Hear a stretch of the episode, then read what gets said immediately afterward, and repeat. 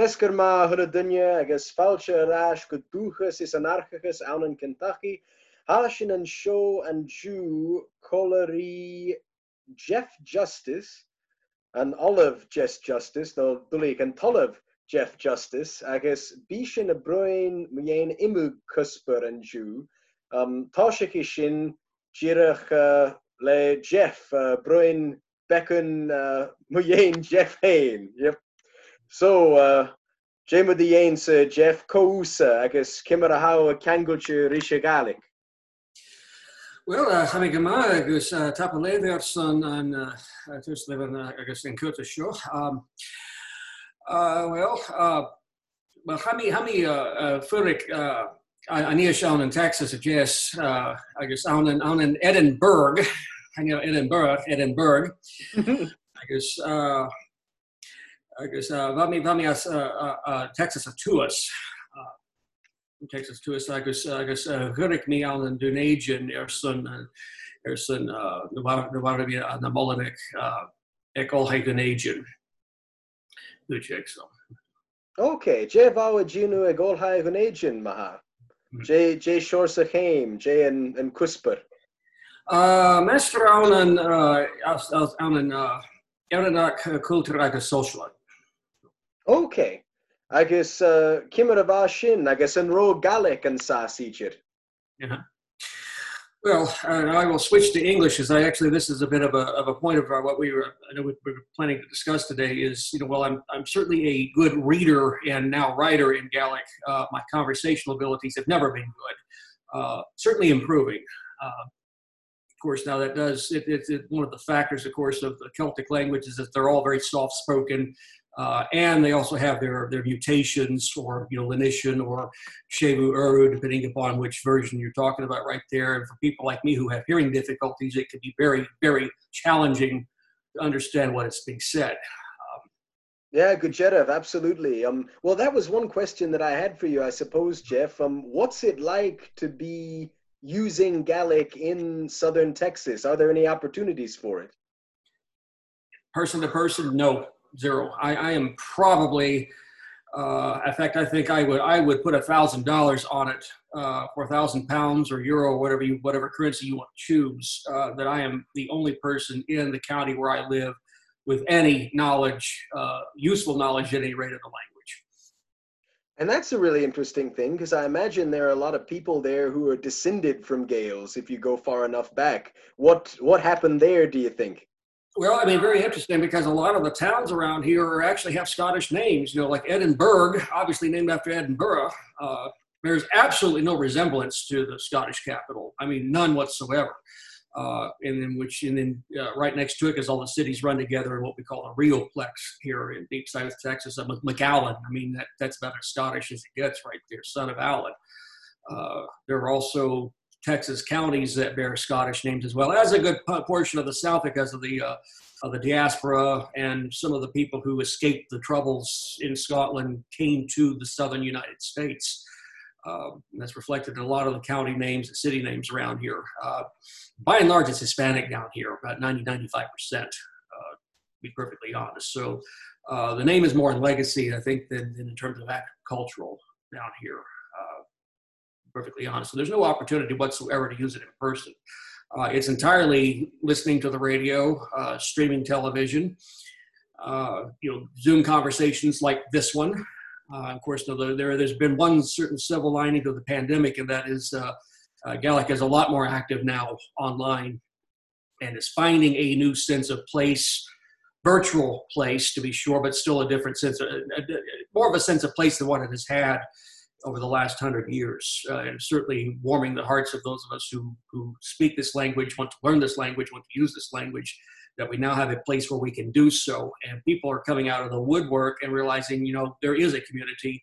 We just have to get together, and technology is now allowing that to happen.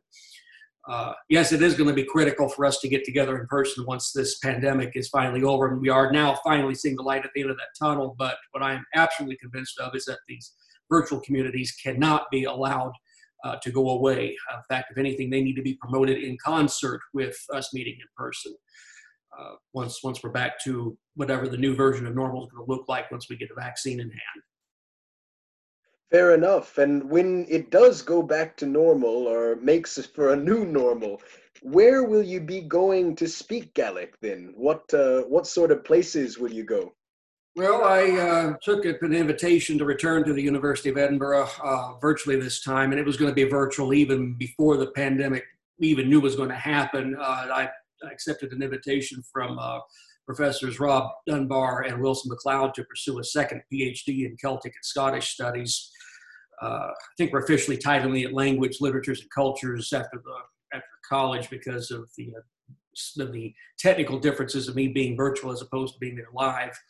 Uh, but uh, I will be likely returning to the Celtic lands to uh, do some of the field research that I've got planned, and that's something I'm looking forward to the opportunity to doing. And then once I graduate, I'm certainly hopeful uh, that future job opportunities and research opportunities will have me spending considerable time in the Celtic lands. Uh, I'm talking all six of them, or seven if you want to include Galicia in there as well, which some do and do that because there is there is some Celtic culture in that part of Spain, to be sure.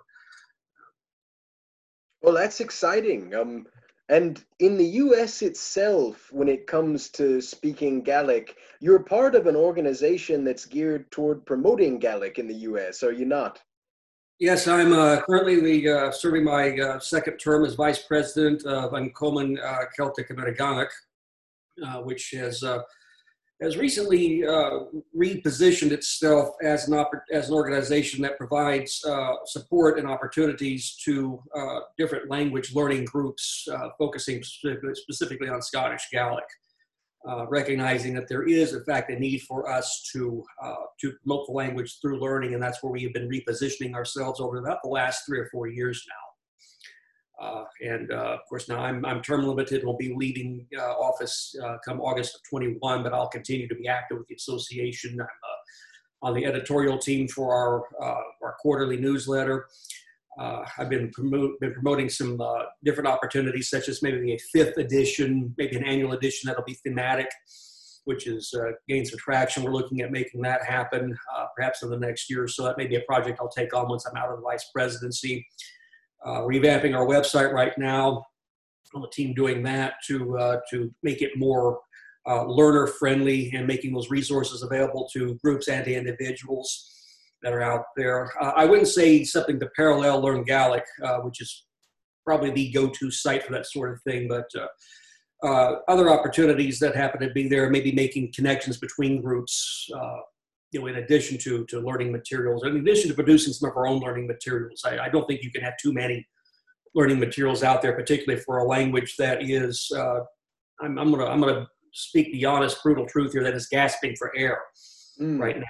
Uh, you know, I, I, would not say I would not say it's suffocating, but it's uh, uh to, to use a medical analogy, heavily asthmatic, shall we say? Well, that's uh, it's an interesting diagnosis. Um, and you know, it's it's as you as you'd say, I'm sure very much alive in Scotland and Nova Scotia, even though certainly not doing as well as it could do. Um, how is it in the U.S.? Are there any native speech communities for Gaelic in the U.S. or any attempts to to start one or restart one? Uh, other than the uh, Kentucky group that I know you're involved with here, uh, none which, with which I'm aware. Uh, I mean, practically, I mean, for the last really uh, hundred years, every Gaelic speaker has spoken it as a second language or first language, with English being a fluent second language. Uh, the the unilingual Gaelic speaker is no more, and that to me is well. I, I'm certainly a fan of bilingualism. Uh, don't get me wrong on that, and even even plurilingualism. I think that's that's a good thing. We we know that there's been some research done on the mental health benefits behind learning other languages.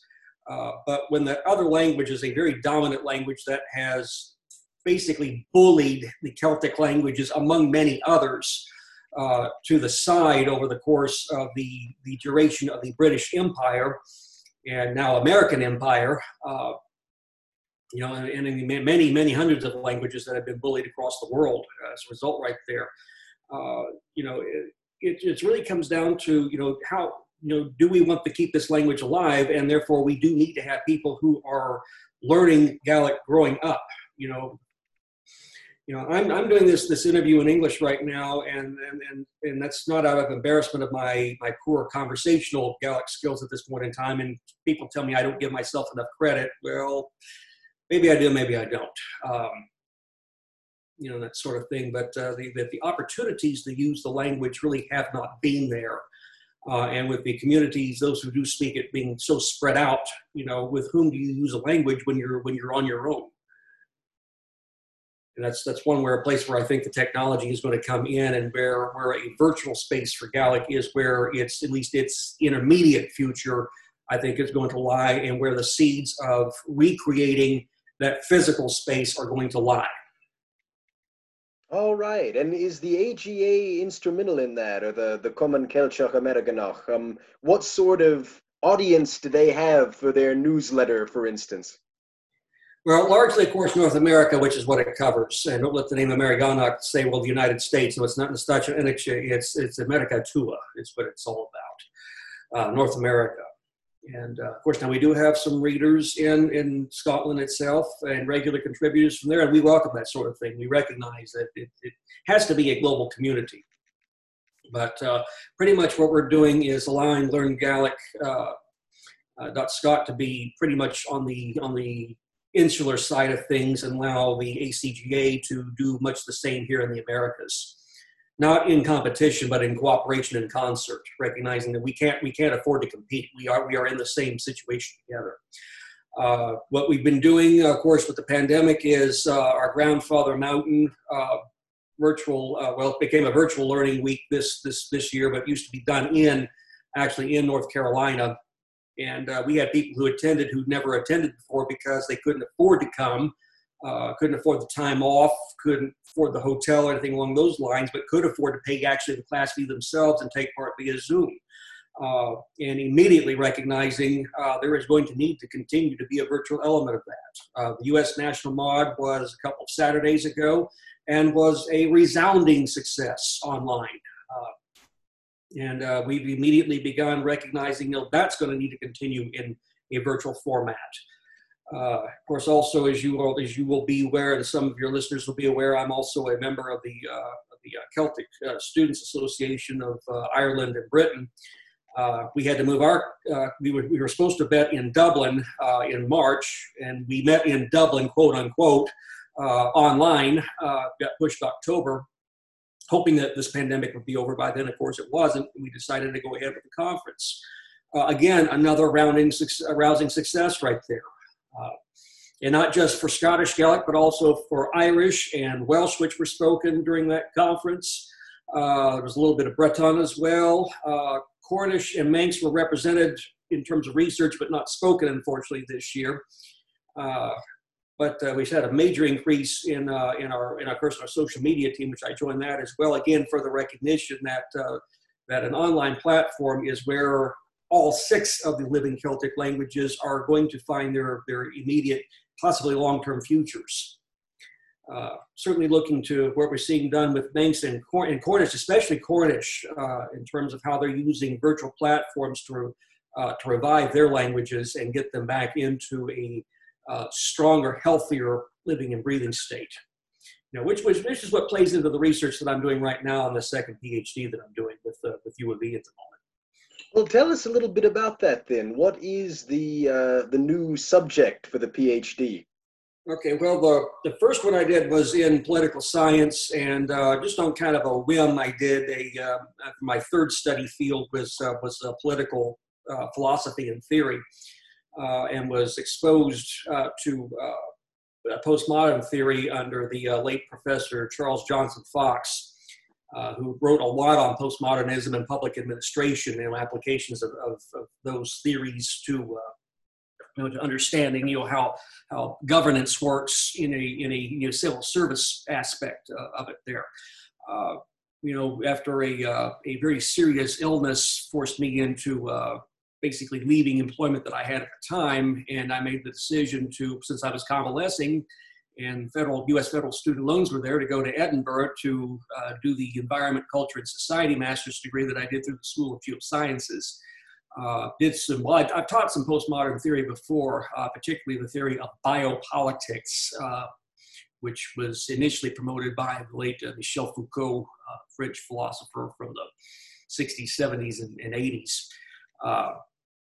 And uh, did some further coursework on that and uh, recognizing that there was application of this theory to language communities. So in, in, in, a very simplistic nutshell, we tend to understand governance is about you know the, the state has the power to uh, force people to die for instance you know for instance that can be done through judicial execution in places where where that is legal uh, through war uh, through other other decisions regarding basically it's about the life and deaths of populations not just individuals but entire populations biopolitics turns this on its head uh, forcing bodies that are needed by the state to live and allowing to die everything else that is irrelevant or that which stands in the way of the goal. Uh, and I'm taking much the same approach to the way that uh, the uh, certainly Scottish, Gaelic, and Irish languages have been treated by the British state. You know, that uh, there was an effort to get rid of them. And when that failed, they just kind of, well, we'll just let them go.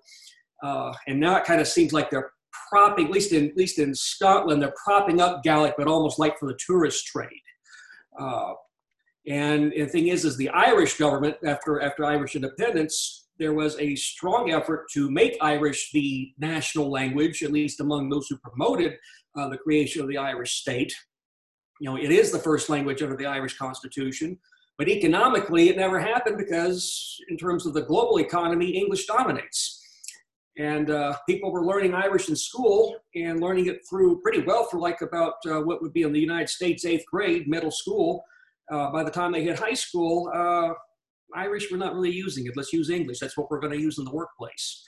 Uh, you go to Dublin, it's all over the place. You see it everywhere, but you hardly hear it spoken. So it's almost like it's being aimed at the tourists and maybe, you know, a, a toehold into the country's past uh, you do see it, of course, actively used across the Scottish Highlands as far as Scottish Gaelic is concerned. Uh, you see bits and pieces of it in the two largest cities, uh, Glasgow and Edinburgh. Um, you do see it on governmental buildings, uh, but that's about it, really. You know, it's, it's like it's being kept alive for historical and cultural identity purposes, but in terms of a living, breathing means of communication between that, that ties together a community used on a daily basis, uh, it's not there. It's, it's well, not there like we'd like for it to be, at any rate. No, absolutely. And why is it, do you think, that the British state and the Scottish state, why do they continue to ignore minority languages in this way? Why do they ignore the communities that the minority languages are attached to?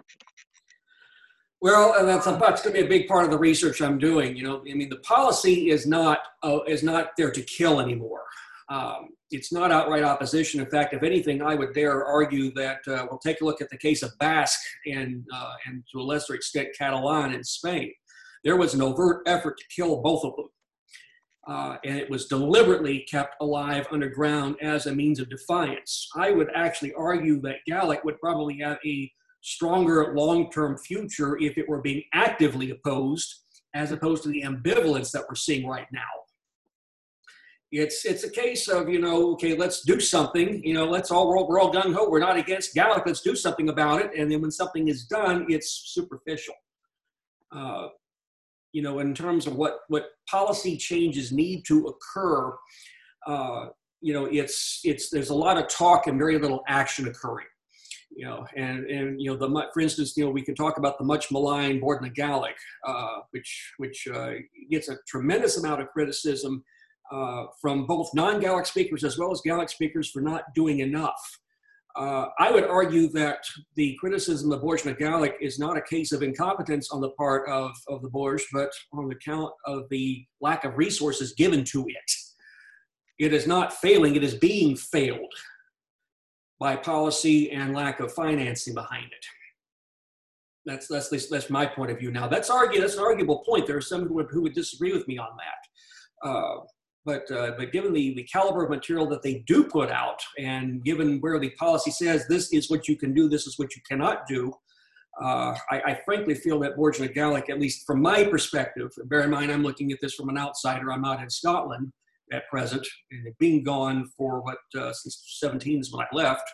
late 17, uh, it that uh, you know that it's doing what it can with the resources that it has been given, but it's not being given the resources and it's not being given the capacity to generate the resources that it needs uh, to be able to accomplish the goals that have been set out for it.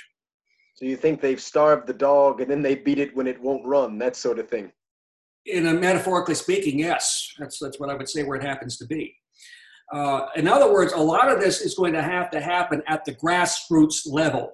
Uh, and I think this is a point where Bòrd na Gàidhlig, I think, can turn its attention with the resources that it has. Uh, I think it's beginning to realize this that it's going to it's it's going to not just have to be affirmative, activist, not pacifist, but activist policy coming from the Scottish government.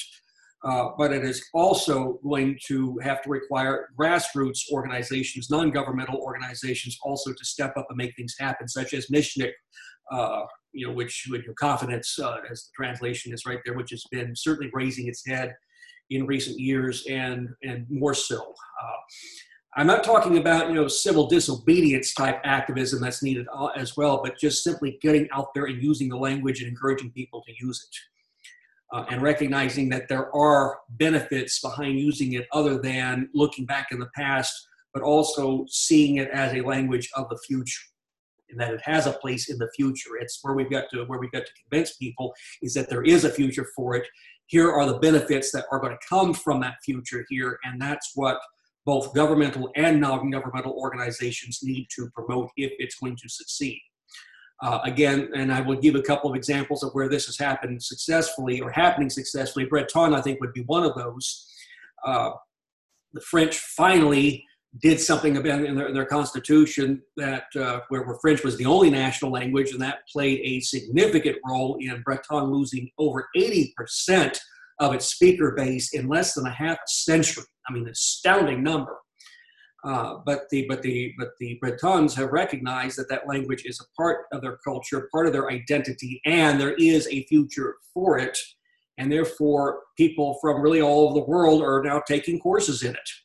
Uh, Welsh is a prime example of what happens when you show that there is a future for it. And so there are large parts of Wales now, in fact, growing parts of Wales, uh, that are using it in everyday conversation and everyday commerce and is strengthening really, I think, Welsh identity to a great extent, where a lot of Welshmen are saying, I want to learn Welsh because I'm a Welshman and I want to be a part of this community. I see there's a future in it. Uh, we're starting to see this happen in Ireland with, with Irish Gaelic. Uh, I'm doing a course on that right now to, you know, it's different enough, just different enough from Scottish Gaelic uh, in terms of the documents I'm having to read for my current studies uh, that uh, I'm taking a course in it, and there are quite a few Irishmen in there who say they're taking it because they are embarrassed. Their words, embarrassed that they never learned it or that they did know it but forgot it. Do you think we're on the cusp of a sort of renaissance with uh, the Celtic languages or minority languages in general? Uh, very definitely, and not just the Celtic languages, but elsewhere. But at the same time, there are other minoritized languages that are looking like they're healthy, but maybe may, might not be. And that's why I'm doing a comparison with the Nordic languages, Faroese and Icelandic, as a part of this research. Now, on the surface, they all appear to be in the same situation between, between Gaelic, Irish, Faroese, and Icelandic, in that they are all in regions that either still are uh, attached to polities that are part of a larger state, such as the Faroese are still a part of Denmark. Uh, Scotland is still part of the United Kingdom. Irish, of course, gained its independence from the United Kingdom. You know, at least the Irish state did, not Northern Ireland. To be sure, we're seeing two different policies as a result. Uh, Iceland also was a part of Denmark. It gained its independence, uh, at least in you know, it, it, officially after World War II. Uh, but uh, the uh, but Icelandic is is well practically every Icelander speaks it and speaks it fluently. Uh, one of the most difficult languages in the world to pick up, by the way, uh, even though it is relatively closely related to Old English, which is kind of I find kind of ironic. Even English modern English speakers have difficulty with it, more so than with German in some instances. But uh, there are now a growing number of Icelandic school children who are saying, uh, who are speaking English while they're playing with their playmates in a country that is quite isolated geographically. Uh, in a lot and of senses. What's, what's, the cause of that? Um, how is English infiltrated? Uh, well, the tourism trade, to be sure. Uh, although my during my brief time there, which was just a few days, uh, I did run into Icelanders whose English was very, very uh, well. Let's say worse than my Gallic. Uh, Google Translate came out and was useful. Let's put it that way. Uh, and I didn't mind doing that. That's I think that's a good that's a good thing. You know, for all the problems Google Translate has, and it has many. At least it enables people now to communicate when they don't speak a common language. Um, but uh, it, but uh, but uh, some of the children are just uh, this is this is strictly anecdotal. Some of them find English easier, uh, which I can't imagine why. given, given the given the hodgepodge of languages that have influenced it over the over the centuries. Uh, you know, there is there is the, the tourism trade which does draw in quite a few, and usually, at least in at least in Western Europe, the de facto language of tourism is now English. Uh, when I went to Denmark, uh, I ran into Danes who frankly told me they would rather speak English. Now they, they're proud of their language and they want to know it, they want to use it, but they just found Danish uh, harder to use, more throaty to use than, than English. They preferred. In fact, uh, kind of an amusing story. I was uh, on the train from the uh, from the airport to the city center of Copenhagen, and two Danes were talking to each other.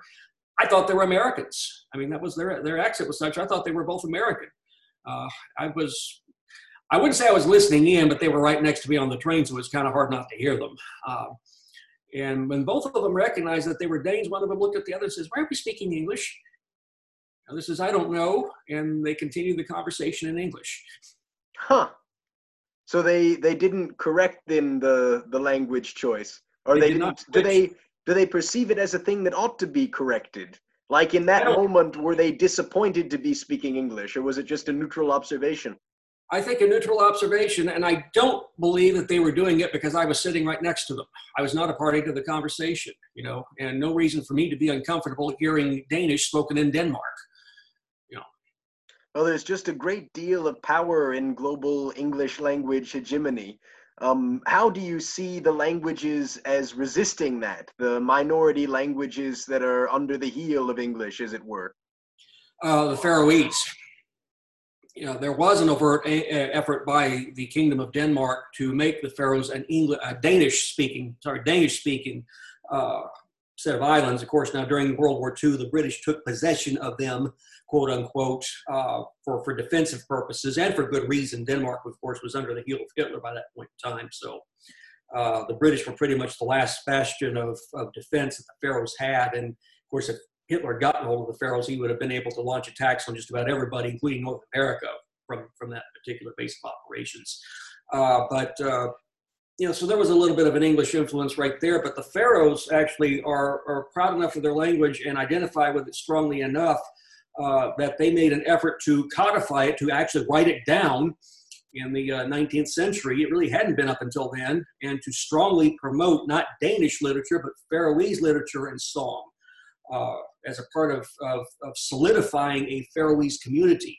Uh, some in effort, in an effort to, to, for, to, to promote the Faroese Independence Project, which is still ongoing.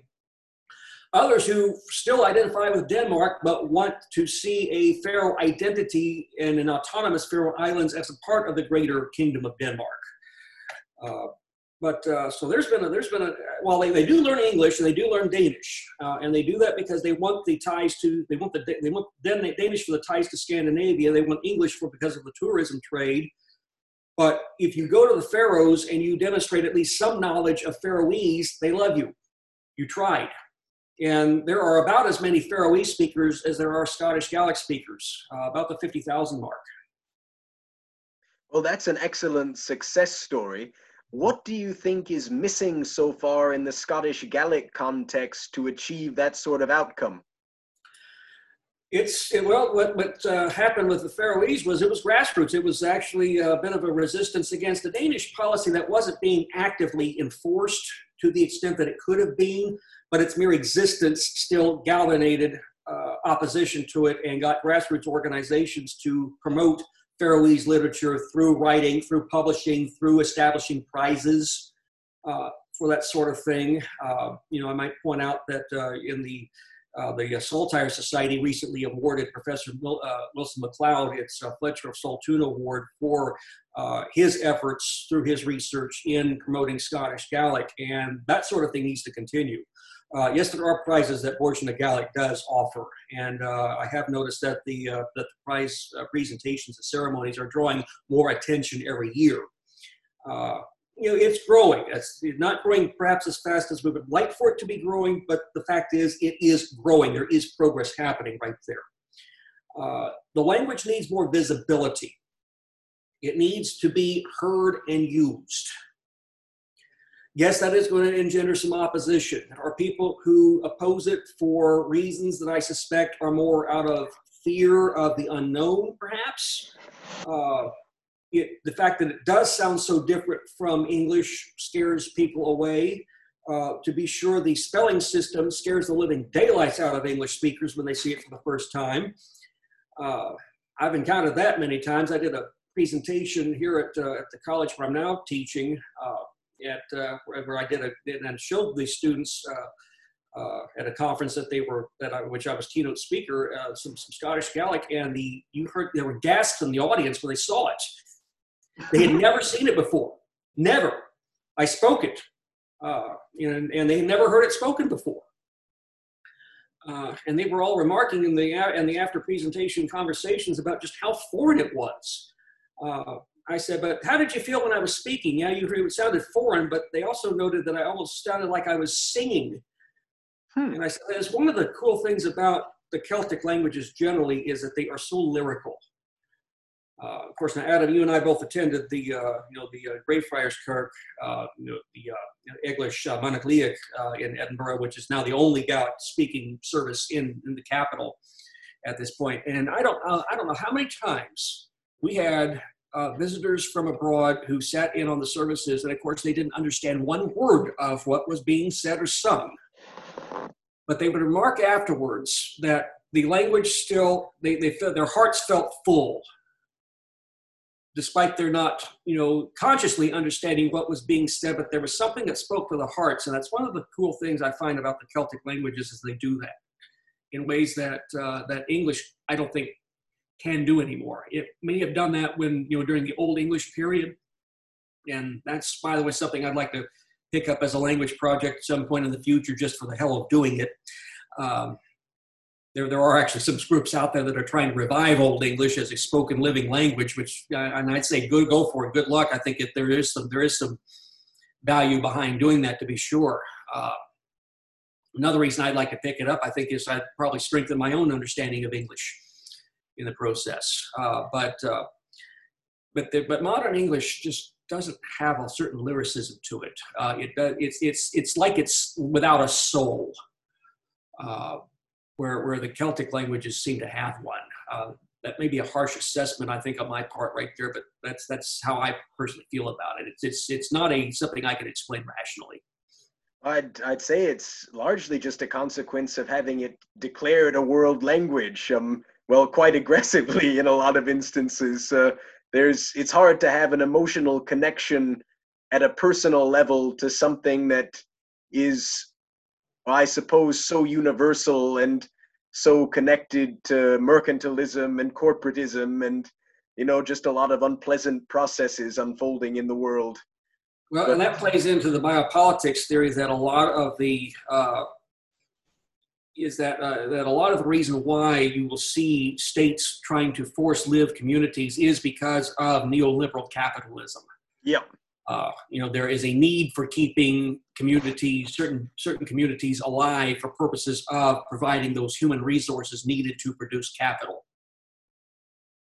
Absolutely, and I really do think that a big part of language revitalization is its connection to the dismantling of you know global neoliberal capitalism I think that it's one of the key appeals to it for a lot of people, certainly on the left. Mm-hmm. But um, yeah, I had a question or two.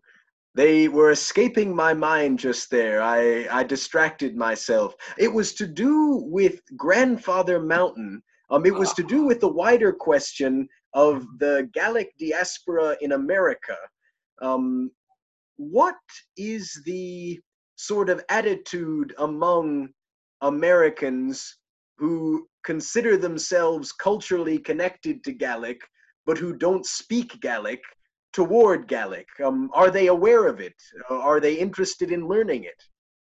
Well, there are there are of course those who are aware of their ancestry, and uh, and of course we're seeing more people taking a look back at that now and recognizing that learning the language is a part of understanding from where they came, from where their ancestors happened to come. Um, you know, that's certainly a part of, of, of my own background. Is that uh, I've, some of my ancestors came uh, came to America. They they left Scotland during the Troubles uh, went to Ireland first, and then the potato famine forced them into the Americas, uh, basically for survival purposes yet again, uh, right there, and then spread throughout the America after that. Uh, there, there, are a lot of people who are who are rediscovering uh, their their heritage, uh, and but wanting to at least have some some kind of a better understanding of where from where they came. And one of the means of doing that is through learning the languages of those peoples. Uh, I, I, wouldn't say that it's a humongous movement to be sure, but uh, those who are who are I'd say I'm at, you know I probably call myself about intermediate level in terms of a lot of my studies at this point in time. Um, but uh, they uh, but a lot of the people who are coming in who are moving into those intermediate courses are saying that I, I started this because I wanted to learn more about my background and and I feel that connection and this is another means of me solidifying and exploring those connections. Well, that's really interesting. And the ones that don't do that, uh, why aren't they interested? Or is that an easy question to answer? Uh, that is that is a very difficult question to answer because I don't think we've really asked it. Uh, it's a question that needs to be asked, I think, but I don't think we've really asked it. And when we and there's really a matter of then you know trying to see okay who are the then then we've got to identify those populations who need to be asked that's the really hard part. Putting the question out there is, is comparatively easy, but finding the ones who need to answer it, that's what's so difficult. Fair enough. And yeah, I, I think that we're nearing the end of the interview in a lot of respects. Is there mm. anything that you wanted to add? Any sort of final thoughts or closing remarks?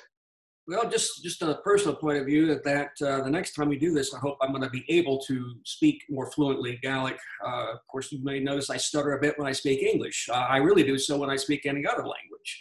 Uh, but I have certainly committed uh, to being a fluent speaker of Scottish Gaelic, uh, also of Welsh, and I, at minimum, I want you know the ability to read fluently the other four Celtic languages, if not the ability to speak them uh, in a fluent sense right there. So this this is this is pretty much an ongoing life project of mine and one that's that uh, I don't ever see ending. Uh, but you know it's but it's a lot more difficult for me to do because I don't have that most important resource, and that is someone with whom I can use the language. You know, uh, I don't have that. Uh, well, others do have show of Alich, burin burin rinje, you know, kur fone richele, warm go out agus hasm kuchik, hasm kuchik, agus agus am an dochas gung cleice sin zoom a gair.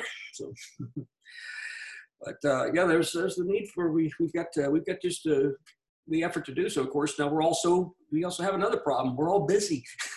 yeah, Hashin trying.